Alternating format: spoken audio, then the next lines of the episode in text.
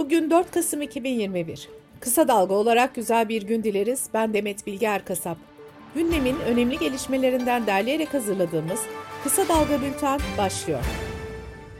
Twitter'da önceki gece Cumhurbaşkanı Erdoğan'ın sağlık durumuna dair iddialar gündeme getirilirken ölmüş etiketiyle de paylaşımlar yapıldı.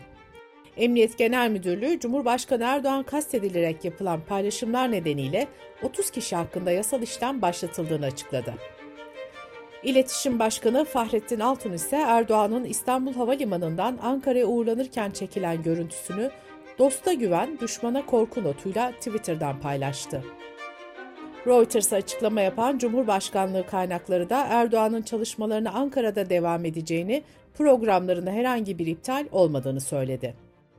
Cumhurbaşkanı Erdoğan dün bazı büyükelçileri kabul etti. AKP'nin grup toplantısı ise yapılmadı. Dün aynı zamanda AKP'nin iktidara gelişinin yıl dönümüydü. CHP Genel Başkanı Kemal Kılıçdaroğlu dün Yozgat'ta muhtarlar, STK temsilcileri ve kanaat önderleriyle bir araya geldi. Yozgat'ın milliyetçi duyguların en güçlü olduğu illerden birisi olduğunu belirten Kılıçdaroğlu, yabancı bir asker postalının gelmesini istemiyorum. Terörle mücadele. Bunların dediği gibi yapmayacağız. Söz veriyorum o Kandil denen yuvayı yerle yeksan etmezsem Kılıçdaroğlu demesinler. Mücadele yürek işidir, bilek işidir dedi. İyi Parti Genel Başkanı Meral Akşener, Siirt ziyaretinin ardından yaşanan Kürdistan polemiği ile ilgili açıklamalarda bulundu. Akşener, partisinin grup toplantısında neymiş, nasıl olur da burası Kürdistan dermiş. Niye şaşırıyorsunuz muhteremler? Bu kişi bir HDP çalışanı. HDP'yi PKK'nın yanında konumlandırıyoruz. HDP PKK ile arasına mesafe koymalıdır diyoruz ifadesini kullandı.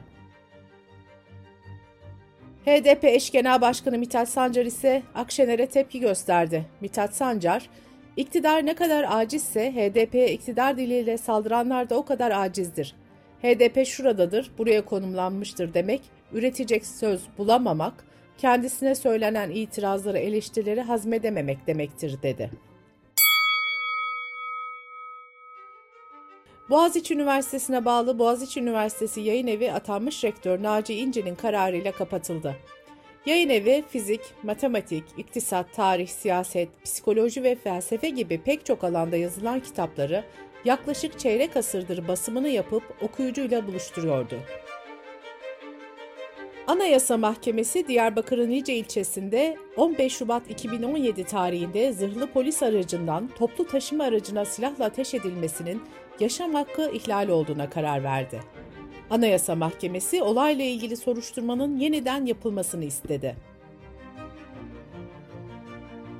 Meclis Plan ve Bütçe Komisyonu'nda Milli Eğitim Bakanlığı'nın 2022 yılı bütçesi görüşülürken HDP'nin sunduğu ana dil temelli çok dilli eğitim önergesi anayasaya aykırı olduğu gerekçesiyle işleme alınmadı.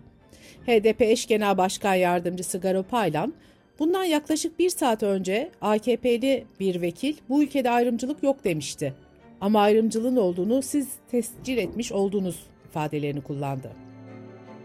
Yüksek Öğretim Kurulu Başkanı Profesör Doktor Erol Özvar, Milli Eğitim Bakanlığı'nın 2022 yılı bütçesinin görüşüldüğü Plan ve Bütçe Komisyonu'nda vekillerin sorularını yanıtladı. Özvar, üniversitelerdeki kontenjanın %14'ünün boş kaldığını söyledi. Bültenimize COVID-19 haberleriyle devam ediyoruz. Milli Eğitim Bakanı Mahmut Özer, eğitim sistemimizdeki 1.2 milyon öğretmenimizin %92'si ya en az 2 doz aşı olmuş ya da antikor oluşturmuştur. Şu an okulları açık tutmaktaki en büyük avantajımız aşısını olmuş öğretmen sayısının yüksek olmasıdır bilgisini verdi. Amerika'da 5-11 yaş arasındaki çocukların koronavirüs aşısı olabilmeleri için acil kullanım onayı çıktı. Ülkede 1.9 milyon çocuğa şimdiye kadar virüs bulaştı, en az 100 çocuk koronadan hayatını kaybetti. İtalya'da Covid sertifikası karşıtı gösterilerin öncülerinden biri olan liman işçisi Stefano Puzer'e bir yıl boyunca Roma'dan uzaklaştırma cezası verildi. İtalya hükümetinin koronavirüs tedbirleri kapsamında aldığı kararla 15 Ekim'den itibaren tüm çalışanlara Covid sertifikası zorunlu hale getirilmişti. Sırada ekonomi haberleri var. Türkiye İstatistik Kurumu Ekim ayına ilişkin tüketici fiyat endeksini yani TÜFE'yi açıkladı. Buna göre enflasyon aylık %2.39 artarak yıllık %19.89 oldu. Yıllık bazda bakıldığında en düşük artış %5.29 ile haberleşme grubunda gerçekleşti. Aylık bazda bakıldığında ise en az artış gösteren ana gruplar eğitim, eğlence ve kültürle haberleşme olarak kaydedildi. Ekonomistler ve akademisyenlerin oluşturduğu enflasyon araştırma grubu ise tüketici fiyat endeksini %49.87 olarak açıkladı. Disk R tarafından yapılan hesaplara göre ise dar gelirlerin gıda enflasyonu %35-40 aralığında kaydedildi. Emeklilerin gıda enflasyonu ise %34.9 oldu. CHP Genel Başkanı Kemal Kılıçdaroğlu gerçek enflasyonun %40'ın üzerinde olduğunu belirterek benim en önemli meselem halkımın sofrasıdır, bazı önemli adımlar atacağız dedi. İşçi Sağlığı ve İş Güvenliği Meclisi AKP'nin 19 yıllık iktidarında ölen işçi sayısını en az 28.380 olarak açıkladı. Dış politika ve dünyadan gelişmelerle devam ediyoruz.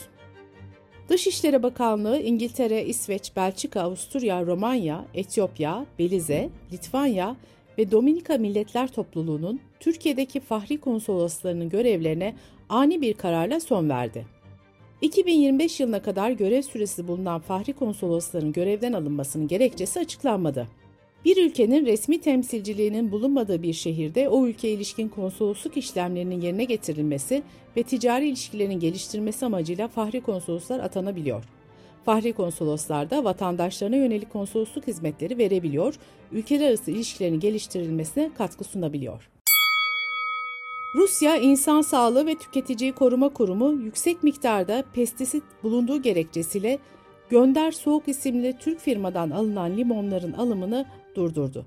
Kurum 29 Ekim itibariyle de aynı sebeple Türk bir şirketten mandalina alımlarını durdurmuştu. ABD basınındaki haberlere göre New York'un yeni belediye başkanı Demokratların adayı eski polis memuru Eric Adams oldu. Adams, New York tarihinin ikinci siyah belediye başkanı olarak görev yapacak. Aynı zamanda şehrin 110. belediye başkanı olan Adams, kamuda sürdürdüğü görevinde ırk adaletsizliğine dikkat çekmesiyle tanınıyor. Amerikalı teknoloji şirketi Yahoo 1 Kasım itibariyle Çin'deki faaliyetlerine son verdiğini duyurdu. Yahoo'dan yapılan açıklamada Çin'de giderek zorlaşan iş ve yasal ortam olduğu belirtilirken şirketin sağladığı internet hizmetlerine 1 Kasım itibariyle Çin'den erişilemeyeceği belirtildi. Şirket 2007 yılında iki Çinli muhalefin kimlik bilgilerini yetkili makamlara verdiği için eleştirilmişti. ABD'nin Ulusal Otoyol Trafik Güvenliği İdaresi, Tesla'nın ABD'de 2017'den bu yana sattığı araçlardan yaklaşık 12 binini yazılımdaki bir iletişim sorunu nedeniyle geri çağırdığını açıkladı. Facebook, kullanıcıların yayınladığı fotoğraf ve videolardaki kişileri otomatik tanıyan yazılım yüz tanıma sistemini kapatacağını açıkladı. Amerika'da özellikle siyah kişileri tanımadığı veya yanlış isim önerdiği için eleştirilen sistem kapatıldıktan sonra 1 milyardan fazla kişinin verisi silinecek. Bültenimizi kısa dalgadan bir öneriyle bitiriyoruz. Profesör Doktor İlhan Uzgel her hafta Türkiye'nin dış politikası ve uluslararası gelişmeleri analiz ettiği podcastleriyle kısa dalgada olacak. Profesör Doktor Uzgel serinin ilk bölümünde 10 büyükelçi krizi ve hemen ardından gerçekleşen Biden görüşmesinin Erdoğan'ı mevcut sıkışık pozisyonundan kurtarıp kurtarmayacağını anlatıyor. Kısa Dalga.net adresimizden ve podcast platformlarından dinleyebilirsiniz. Gözünüz kulağınız bizde olsun. Kısa Dalga Medya.